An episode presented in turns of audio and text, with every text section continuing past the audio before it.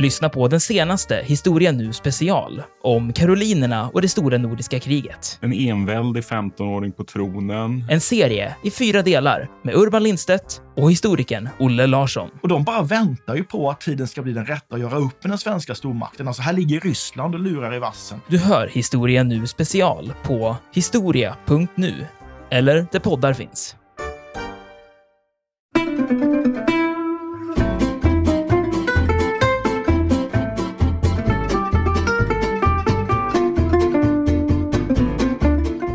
Det är väl någonting som strider mot hans utbildning, är inte det det handlar om? Alltså han har alltid fått höra att när det Sovjet, eller förlåt, det amerikanska kärnvapenanfallet kommer, så kommer det vara massivt. Det kommer vara minst 50 missiler.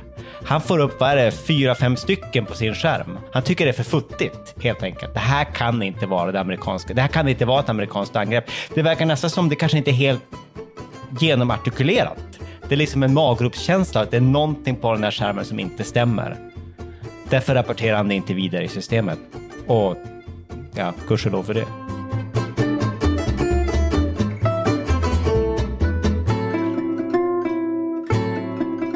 Podden En oväntad historia utgår från en liten händelse för att med glimten i ögat berätta den stora historien.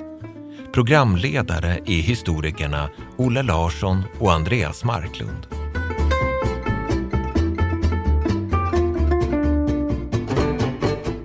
Hej Andreas! Tjena Olle! Allt bra? Jo, alldeles utmärkt. Perfekt. Idag tänkte jag att vi ska prata om eh, det som faktiskt har kommit och blir min favoritperiod i historien, nämligen Intressant. eh, kalla kriget. Men vi ska givetvis inte prata om hela kalla kriget, utan jag tänker mig att vi ska begränsa oss till ett mycket specifikt år, nämligen 1983.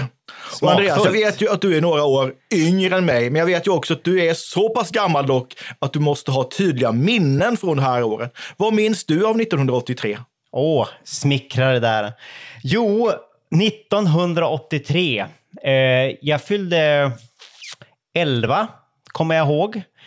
Eh, vad kommer jag ihåg mer? Jag kommer ihåg att eh, en bra grej och en dålig grej, rent personligen.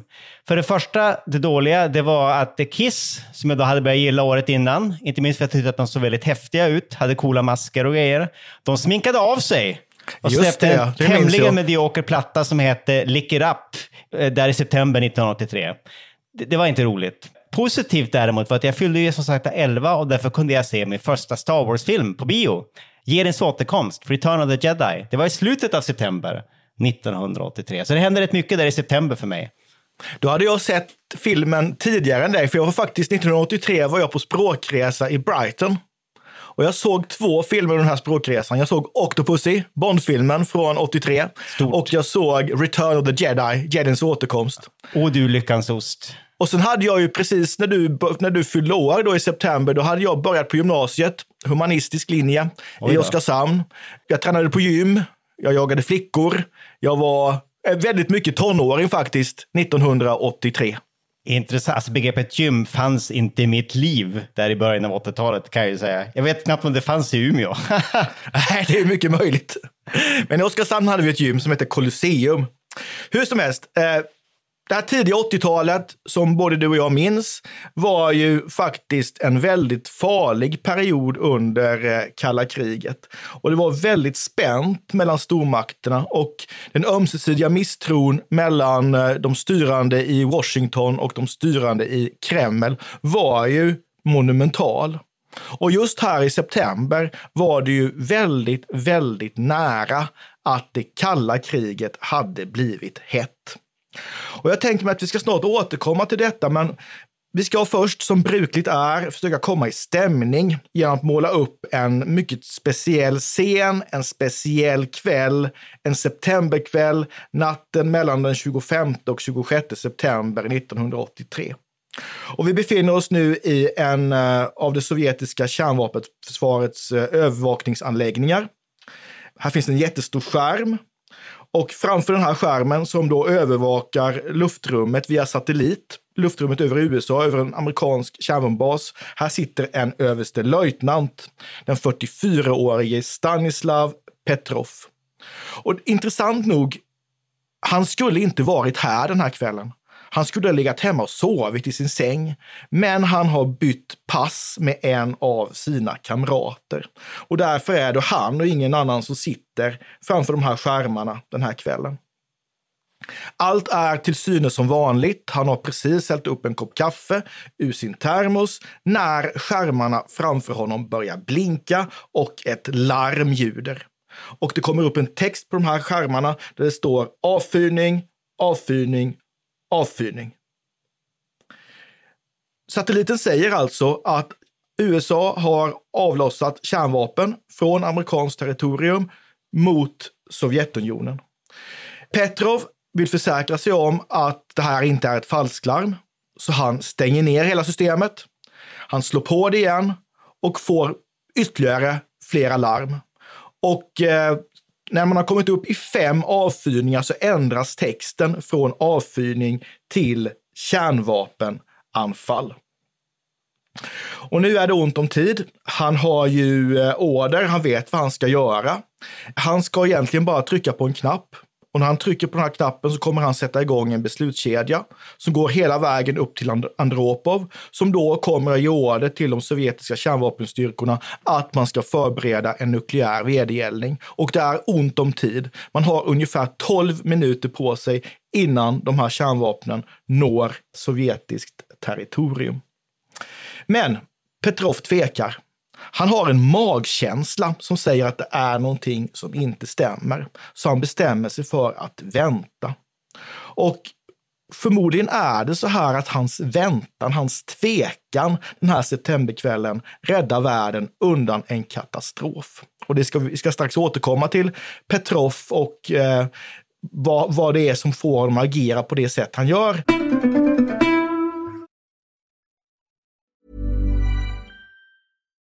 One size fits all seemed like a good idea for clothes. Nice dress. Uh, it's a it's a t-shirt.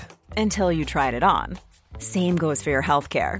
That's why United Healthcare offers a variety of flexible, budget-friendly coverage for medical, vision, dental, and more. So whether you're between jobs, coming off a parent's plan, or even missed open enrollment, you can find the plan that fits you best. Find out more about United Healthcare coverage at uh1.com. That's uh1.com.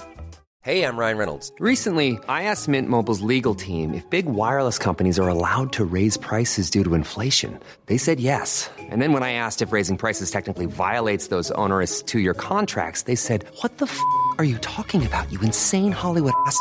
So to recap, we're cutting the price of Mint Unlimited from $30 a month to just $15 a month. Give it a try at mintmobile.com slash switch. $45 up front for three months plus taxes and fees. Promo for new customers for limited time. Unlimited more than 40 gigabytes per month. Slows. Full terms at mintmobile.com.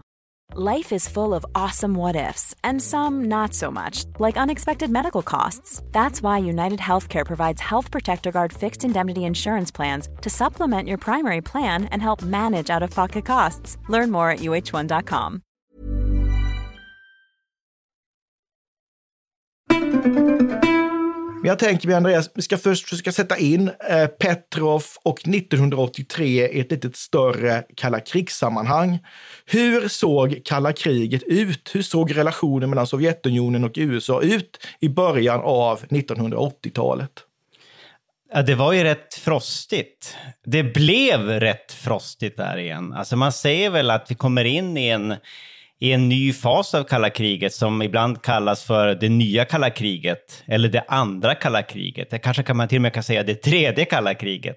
Alltså det hade varit en ganska lång period av avspänning, det man kallar för detant före det. Det har vi pratat om tidigare när vi snackade om James Bond.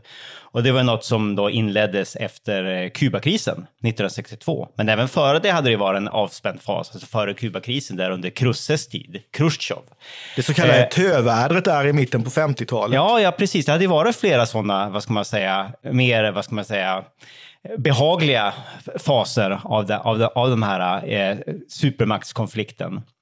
Men alltså, det går in i, ett väldigt, i en väldigt bitter fas där kring vad är det, 79, 78, 79, 80. Det händer lite olika saker där, men alltså en väldigt avgörande händelse om man ska kolla på milstolpar, det är väl den eh, sovjetiska inmarschen i Afghanistan.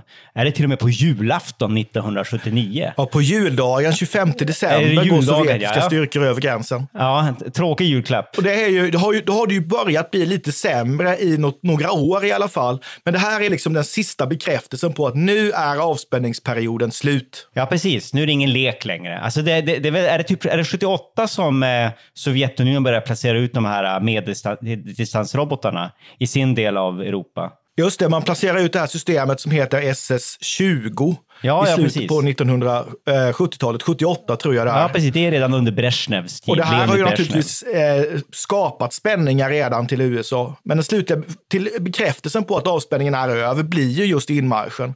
Och då håller ju också Carter ett tal där han säger att det här är det värsta hotet mot världsfreden sedan andra världskrigets slut. Just det.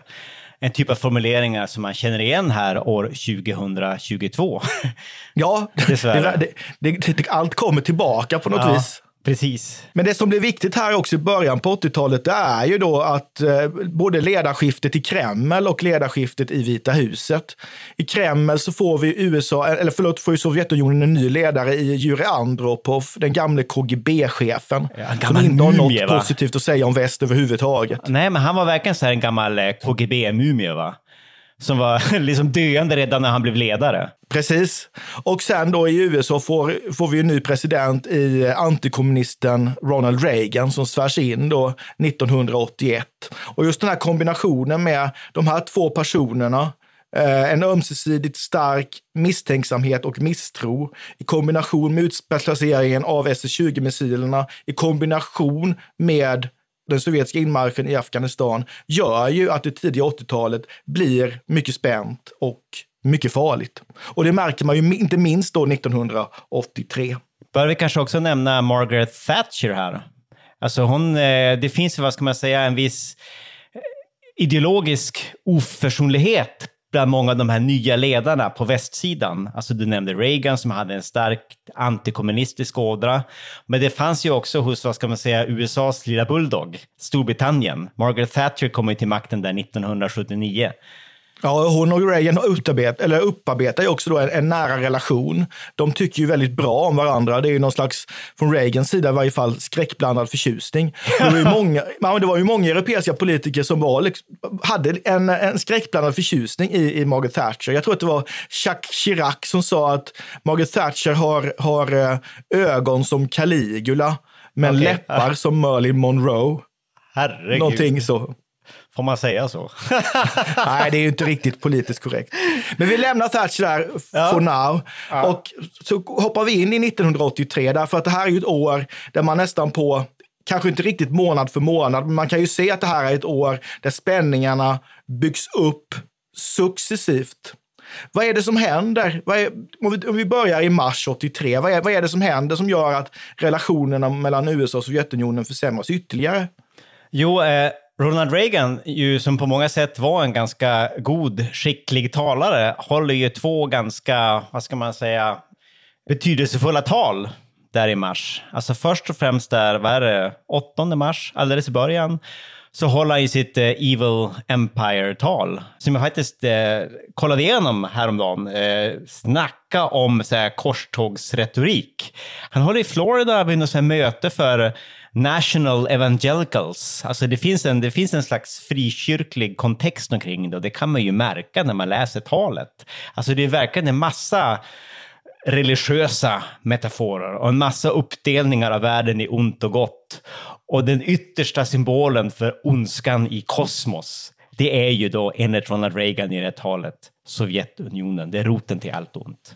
Och det stämmer ju det här med, med att han, han talar om det här nästan på religiösa termer, korstågstermer, för Reagan var ju djupt religiös. Ja. Det här är ju ett, ett, alltså ett ganska oortodoxt tal får man väl säga på den här nivån. Så att när Reagan talar om Sovjetunionen som ondskans imperium så höjer man ju på ögonbrynen i, i Kreml. Alltså vad är det som händer?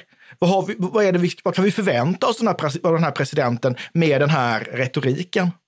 Och sen blir det ju ännu värre. För vad händer i nästa tal? Jo, men sen presenterar han ju sitt berömda, alltså apropå Return of the Jedi, han presenterar ju sitt berömda Star Wars-program där äh, i något TV, tv-sänt tal till nationen. Ett tal som ju på många sätt då rent retoriskt är kanske mer återhållet och sakligt. Det är inte så här fyllt med retorik på samma sätt som det första talet. Men det är ju då ett väldigt avancerat eh, robotsystem som presenteras där, som ska göra det möjligt för USA att eh, skjuta ner eventuella sovjetiska eh, luftvärnsmissiler som skjuts mot eh, USA. Och det här är ju, som du säger, det här, här pratar han ju om, han kommer in och så säger han till, till, till tv-kamerorna, ikväll ska jag, ska jag dela en dröm med er, kära Just det. amerikaner. Just det, ja. en, en dröm där vi är säkra från kärnvapen. Och så kommer det här SDI, Strategic Defense Initiative-talet, Star Wars, där han presenterar det här.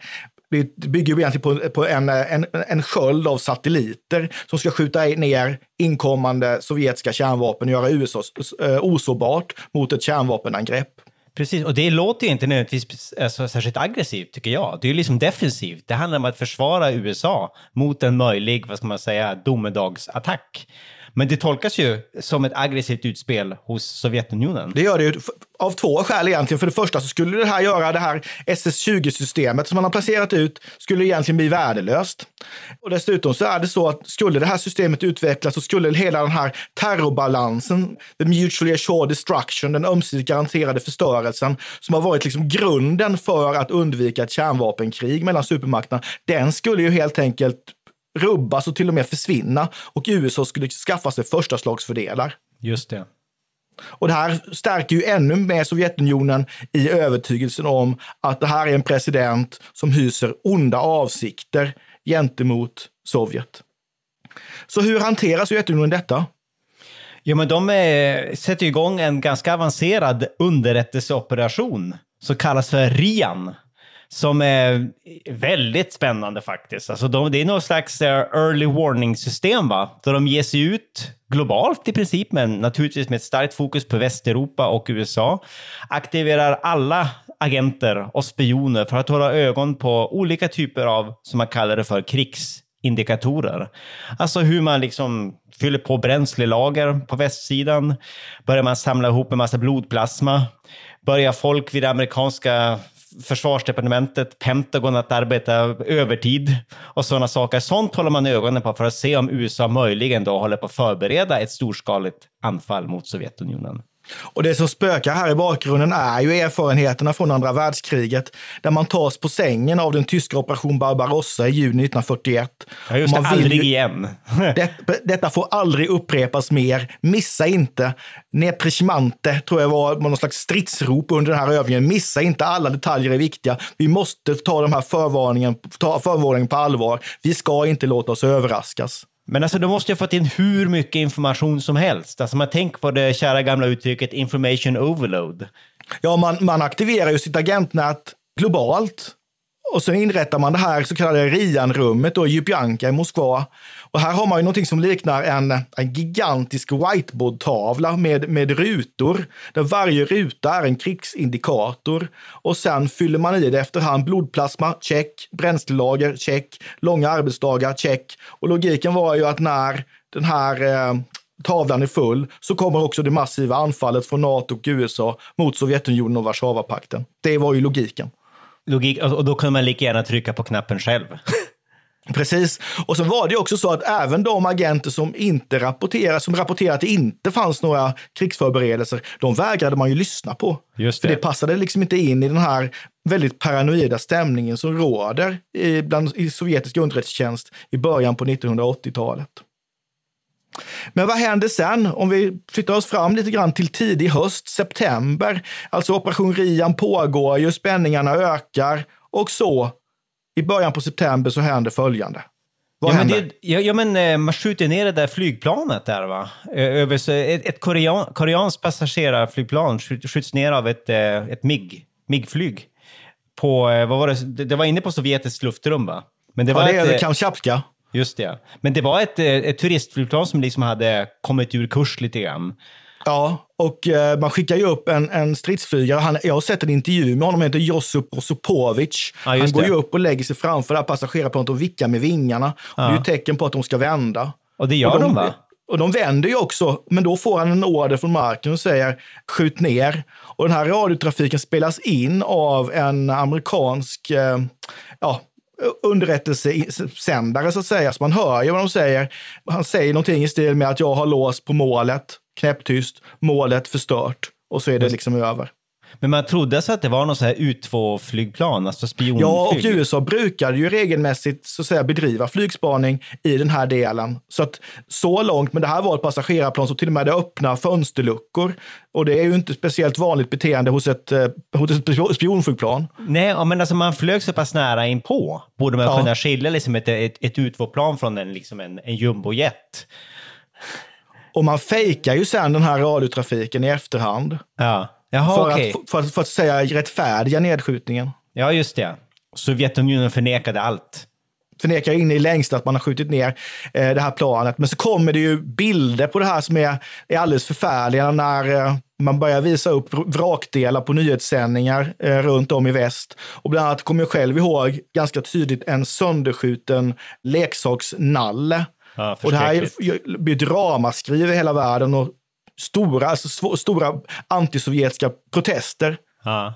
Ja, det där kommer jag ihåg. Alltså, det, var, det var väldigt antisovjetisk stämning där i luften. Och det här skrämmer ju Sovjetunionen också, för de tänker att nu har så att säga väst fått ett vill man gå till attack mot Sovjetunionen så har man ju fått ett skäl nu. Ja, ett casus belli. Precis nu kanske man använder den här nedskjutningen för att liksom, ja, rättfärdiga ett anfall med Sovjetunionen. Så här, då är vi alltså framme i början på september och då är det ju bara ett par veckor kvar innan, innan Stanislav Petrov sitter här framför sina varningsskärmar i den här övervakningsbunken utanför Moskva. Han har alltså fått de här larmen, han tvekar, han känner att det är något som inte, som inte riktigt stämmer. Andreas, hur resonerar Stanislav Petrov den här kvällen? Jo, men alltså, för det första resonerar han ju, och det är ju väldigt bra. Alltså, det är en ganska kallblodig typ. Jag tänker på det här ut- uttrycket “let cool heads prevail”. Alltså, han sätter sig ner och resonerar med sig själv. Han tycker att det är någonting som är väldigt fel. Alltså, han, han vill inte dö helt enkelt. Och han, var väl inte, han vill inte vara mannen som, eh, du vet, startar, inleder jordens undergång. Det första han gör, det är att stänga av datorn, stänga av systemet för att kolla om det är ett tekniskt fel. Det är det ju dessvärre inte, för han tänder upp det igen och då är det väl ännu fler, det är någon slags här röda prickar, va? någon slags blippar som markerar. Han får ytterligare bekräftelse där ja. Ja, att det liksom har kommit fler missiler i luften. Men eh, det är väl någonting som strider mot hans utbildning, är inte det det handlar om? Alltså, han har alltid fått höra att när det Sovjet, eller förlåt, det amerikanska kärnvapenanfallet kommer, så kommer det vara massivt. Det kommer vara minst 50 missiler. Han får upp, vad är det, fyra, fem stycken på sin skärm. Han tycker det är för futtigt, helt enkelt. Det här kan inte vara det amerikanska. Det här kan inte vara ett amerikanskt angrepp. Det verkar nästan som det kanske inte är helt genomartikulerat. Det är liksom en maggropskänsla, att det är någonting på den här skärmen som inte stämmer. Därför rapporterar han det inte vidare i systemet. Och ja, gudskelov för det. Ja, han sitter ju där och han, han väntar och han väntar. Och han säger själv i en intervju som jag har sett med honom att när jag satt där och väntade så kändes det som jag satt i en, en glödhet stekpanna. Han får, Ja, kommer ju liksom friteras i sin egen beslutsångest här ju. Ja. Eh, Men sen visade det sig då, han väntar ju 20 minuter och det visade sig att han har gjort helt rätt. Därför att det här var ju inga avfyrningar, utan den här varningssatelliten har ju misstagit ett, en molnformation för, en kärn, för kärnvapenuppskjutningar. Så det blir ju aldrig eh, någonting. Men det var ju oerhört nära här. Ja, men vilken, vilken primitiv teknologi det måste använda sig av. Egentligen. Ja, jag, jag kommer inte riktigt ihåg hur det var, men på något sätt så rör sig ju den här satelliten så man var ju tvungen att vänta tills den kom tillbaka innan man kunde få det bekräftelse igen och då, då gick ju liksom tiden. Och när den kommer tillbaka över det här området igen då, då visade det sig då att det här var ingenting annat än ett eh, optiskt värdefenomen, en målformation som man Ja, hade misstagit. Men det här var ju oerhört nära. Här var ju världen egentligen bara minuter ifrån ett kärnvapenkrig antagligen. Närmare än någonsin i, i världshistorien förmodligen. Alltså, Mycket närmare än Kubakrisen faktiskt, som man Precis. ändå tror brukar betraktas som den farligaste krisen under kalla kriget. Men jag tror att den här var, 83 var i många avseenden faktiskt, om inte, om inte farligare så i alla fall lika farligt. Som 62. Absolut.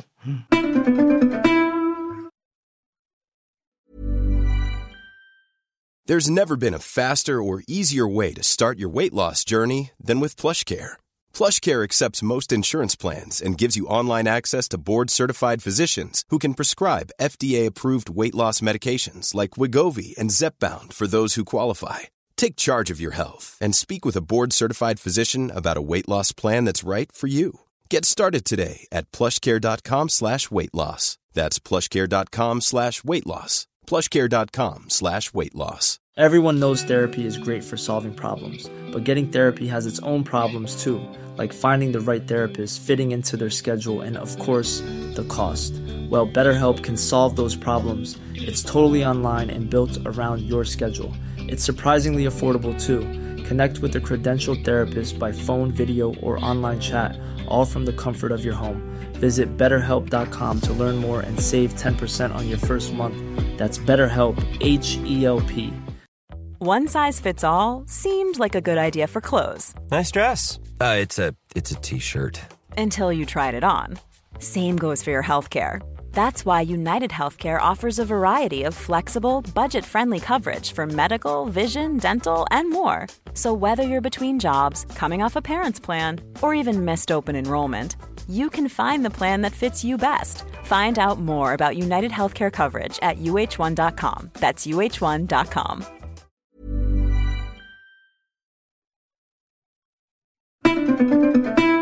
Hur som helst, Petrov trycker aldrig på knappen den här kvällen, men spänningarna fortsätter ju.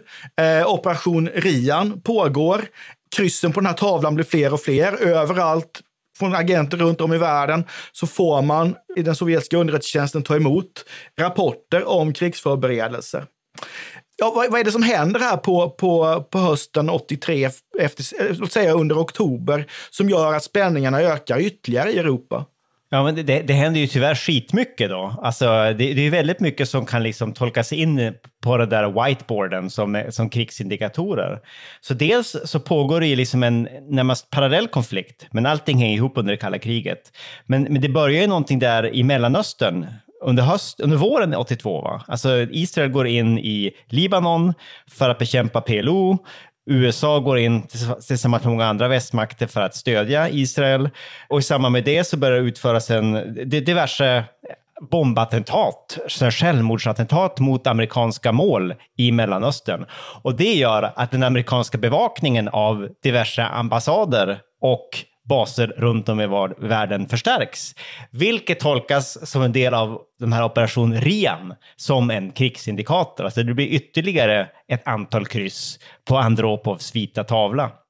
Och så spets spänningarna på ännu mer då i oktober 83, när, för då kommer ju, för, USA har ju bestämt sig för, Reagan inleder ju en ganska kraftig upprustning en, efter det att han har blivit president. Och bland annat ska man placera ut nya medeldistansrobotar i Västeuropa som heter Pershing 2. Just det. Och de kommer ju till Europa i oktober. Och det kommer jag ihåg väldigt tidigt från de här eh, från nyhetssändningarna hur man såg de här protesterna vid en av de här baserna i England som heter Greenham Common. Där det är våldsamma protester mot den här utplaceringen. Och hur även i Tyskland, hur man i Västtyskland då bygger mänskliga kedjor för att protestera mot den här utplaceringen. Så där, kom ju, där tror jag att där blev kärnvapenhotet reellt för väldigt många människor. Ja, det blir väldigt påtagligt det. Det kommer nästan själv ihåg. Alltså ordet medel, medeldistansrobot nämndes igen och igen på nyheterna. Ja, och framförallt Pershing lärde man sig ju ganska snabbt. Ja, ja, och det där SS-20. Men alltså Pershing, det var ju alltid, i allt väsentligt då det amerikanska gensvaret på de här Brezhnev-raketerna som ställdes upp i slutet av 70-talet. Just det. Ja. Så då har vi då den förstärkta självmordsbombaren eller bombaren i, i, i, mot amerikanska baser i Mellanöstern, i Libanon. Amerikanerna förstärker förstärkningen, bevakningen vid ambassader, militära installationer globalt. Vi har utplacering av robotarna. Vad är det mer som händer ungefär samtidigt? Ja, det är det där med Grenada ju. Just det precis. där lilla öriket i Karibien där. där så, som USA invaderar för att då helt enkelt att avlägsna en eh, Moskvatrogen eh, le, eh, regim. Vad är det? Det är oktober, 25, slutet av oktober 1983. Ja, ja. Och, det leder ju, förutom då att det är ju naturligtvis eh, objektivt sett en ganska vad ska man säga, aggressiv framstöt, så leder det till att det blir ganska intensiv krypterad kommunikation mellan USA och Storbritannien eftersom Grenada var en del av den brittiska intressesfären. Det är väl en gammal brittisk koloni, verkligen. Det ingick ju i Commonwealth. Eh, vilket gör då Margaret Thatcher och hennes kreatur väldigt upprörda. Så det blir otroligt intensiv krypterad kommunikation mellan Washington och London, vilket i Kreml tolkas som att man förbereder någonting mot Sovjetunionen. För man går ju inte in och läser innehållet, det kan man inte, det är krypterat. Så man gör en sån här trafikanalys där man kan se ett nytt mönster, jätteintensiv kommunikation, någonting är på G. Så då har vi ytterligare ett kryss i, på, på, på, på Rian-tavlan. Minst ett nytt. Så nu blir det ännu mer spänt och så kommer vi in i november och då inleder eh, Nato en militärövning i Belgien som heter Able Archer, som egentligen är en övning för signaltrupperna. Man övar helt enkelt kommunikation i händelse av ett krig. Man utgår då från ett övningsscenario som är ganska vanligt för den här tiden, nämligen att det, det börjar med en diplomatisk kris i Europa som man inte kan lösa och som sen eskalerar och blir en, eh, ett fullskaligt militärt krig och det börjar sedan användas massförstörelsevapen och så slutar det med att man sätter in kärnvapen. Och det här, den här övningen följer då det här, det här scenariot. Och i det här spända läget när Sovjet är övertygat om att väst ska anfalla så följer naturligtvis underrättelsetjänsten den här övningen. Vad är det som händer? Och som sagt, man kan inte kryptera meddelandena, men man kan göra en trafikanalys och se var staber finns och var understaber finns. Och väst vet ju naturligtvis att Sovjetunionen lyssnar på den här övningen och därför lägger man in ordet övning, övning, övning, övning med jämna mellanrum för att Sovjetunionen ska förstå att det här är en övning. Men i den här paranoida stämningen som råder så säger den sovjetiska underrättelsetjänsten så här. Det är klart att man säger att det är en övning. Det här är ju en del av den stora, det, det stora lurendrejeriet, Natos maskirovka mot oss. Det här är krigsförberedelser. Och hur, hur, hur agerar man på detta från sovjetiskt håll, från Warszawapaktens håll? Ja, men alltså man är ju övertygad om att den här äh, så kallade övningen kommer att mynna ut i, en, äh, i ett anfall, i ett massivt anfall mot Sovjetunionen. Så eh, man sätter liksom hela, hela krigsapparaten i högsta beredskap. Vad är det man har? Är det typ 300 kärnvapenmissiler som man har liksom förberedda, med liksom, som är riktade mot olika ja, västliga mål? Visst, kärnvapen, med... ja. kärnvapen förbereds, man skickar ut flottan till havs för att göra den mindre sårbar. Atomubåtarna skickas ut. Är det inte något med 300 kärnvapen med liksom var och en har en, har en eh, sprängkraft som är ungefär lika stark som är det, 150 Hiroshima-bomber? Ja, 150 Hiroshima-bomber. Så ja. det är en enorm, en enorm nukleär vedergällning som förbereds här. Man stridsgrupperar ju också eh, stridsvagnsförband, går ut till sina stridsgrupperingsplatser. Flygvapnet förbereds, alltså man, det, man förbereder sig för att gå i krig helt enkelt. Och det som är lite skrämmande här tycker jag, det är ju att Nato ser ju vad som händer. Man, man, man ser vad, Sovjet, vad som händer, men man förstår inte vad som händer, Nej. utan tror att det här är en övning. Precis. Och, och, liksom tar inte det här på allvar. Det, det, det gör faktiskt lite deprimerad så här i efterhand. Alltså det, det, det verkar vara liksom ganska... Många av de här centrala aktörerna, förutom då Stanislav Petrov, är ganska inkompetenta på bägge sidor till att börja med, varför i helskotta väljer man i det här läget att förlägga en militärövning just precis här från NATOs sida? Och just precis då? Och det här kunde ju ha blivit ännu värre för att tanken var ju då att eh, Reagan skulle vara med, medverka i den här övningen. Och att det var han som skulle ge den avslutande åren om att använda kärnvapen. Men man avstod från det därför att man, man, man var rädd att, för att det skulle göra övningen för realistisk och därmed öka krigsrisken. Och sett i efterhandsperspektiv så var det kanske en himla tur. Ja, det tror jag också. Ja. Men alltså, vem var den amerikanska toppspionen i Sovjetunionen? Frågar man sig ju. Alltså var det ingen som hade koll på Andropov? Man visste väl att han var en paranoid galning? Som det finns ju en, en, en, man som heter Oleg Gordievski. Han försöker väl säga att det inte finns krigsförberedelser, men det, det tas ju inte emot helt enkelt. Nej, men alltså, han, han var ju en helt annan typ av ledare än Brezhnev. Alltså Brezhnev hade ju definitivt också sina, vad ska man sina avigsidor, men han var inte paranoid på det sättet som Andropov var. Och det som gör det här ännu farligare, det är ju själva tidpunkten för det. Alltså det här är november. Sovjetunionen tror att det kommer komma ett anfall. När ska väst anfalla? Jo, förmodligen i samband, för det första i samband med en större övning Den har vi här. För det andra, under en, en, en, sovjetisk helgdag. Och här i början på november firar man ju revolutionsdagen efter Ja, revolutionen det. 1917. Ja, det är, och det typ är så en nationell 7 helgdag. november, något sånt där. Så där trodde man ju att här, här kommer det kanske. Ja, just det. Så här håller man ju andan. ja. Men vad händer? Ja, men det, det, det blir ju lyckligtvis ett antiklimax. Det kommer inget anfall från Nej, och eh, helt plötsligt så revolutionsdagen kommer, högtiden kommer, övningen tar slut, man väntar och det händer ingenting. Och den här Rian-tavlan är fortfarande inte full med kryss. Och här någonstans inser man att det kommer nog inte bli krig. Men en av Reagans eh, rådgivare, han sa just det här efteråt i en intervju att vi var oerhört nära ett globalt kärnvapenkrig utan att veta om det. Precis, för det är något man inser först i efterhand. Det visste man ju inte då.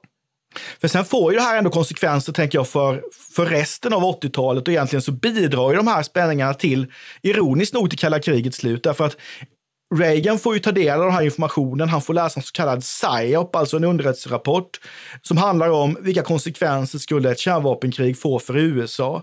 Och den här rapporten berättar då att ett kärnvapenkrig skulle leda till ungefär 150 miljoner döda amerikaner under förutsättning att USA vinner det här kriget.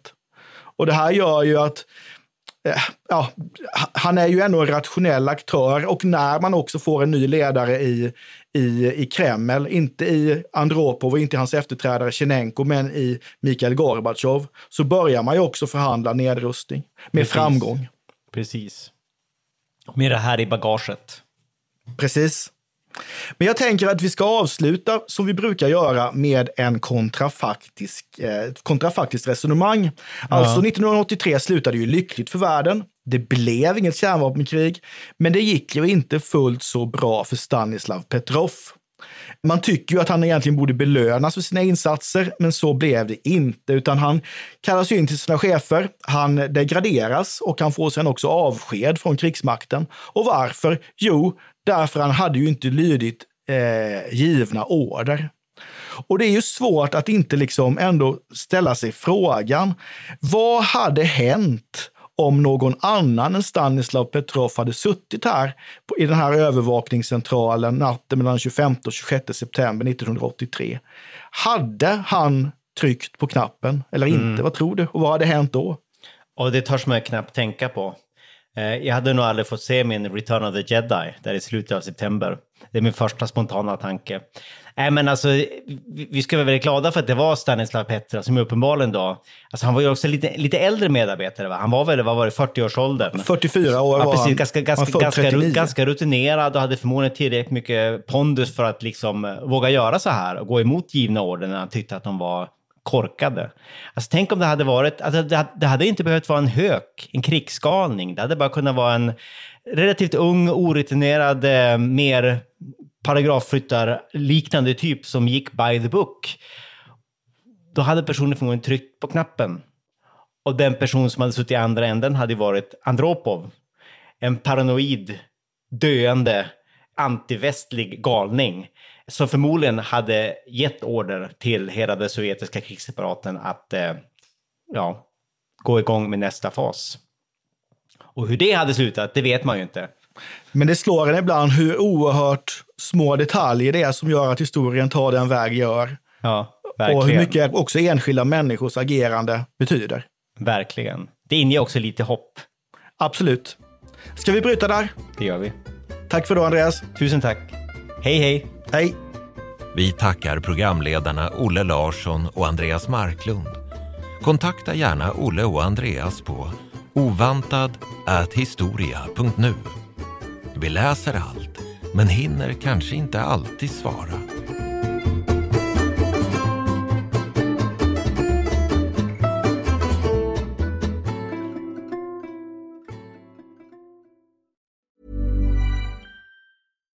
When we're on a budget, we still deserve nice things. Quince is a place to scoop up stunning high-end goods for 50 to 80% less than similar brands. They have buttery soft cashmere sweaters starting at $50, luxurious Italian leather bags, and so much more. Plus, Quince only works with factories that use safe, ethical, and responsible manufacturing. Get the high-end goods you'll love without the high price tag with Quince. Go to quince.com slash style for free shipping and 365-day returns. Mom deserves the best, and there's no better place to shop for Mother's Day than Whole Foods Market. They're your destination for unbeatable savings, from premium gifts to show-stopping flowers and irresistible desserts. Start by saving 33% with Prime on all body care and candles. Then get a 15-stem bunch of tulips for just $9.99 each with Prime. Round out Mom's menu with festive rosé, irresistible berry chantilly cake, and more special treats. Come celebrate Mother's Day at Whole Foods Market. Iran har under 1900-talet genomgått tre omvälvande revolutioner som orienterat landet antingen mot västerlandets modell eller mot en auktoritär styrelseform. Idag pågår en social revolution i landet som vänder sig mot det islamistiska styret och vars anhängare har Europa och väst som förebilder. I en viktig bok ger idéhistorikern Mohammad Faslashemi en djupare förståelse för dagens dramatiska händelseutveckling. Iran mellan tre revolutioner är utgiven av förlaget Historiska Media. Beställ den fysiska boken på förlagets hemsida historiskamedia.se eller köp den i en bokhandel nära dig.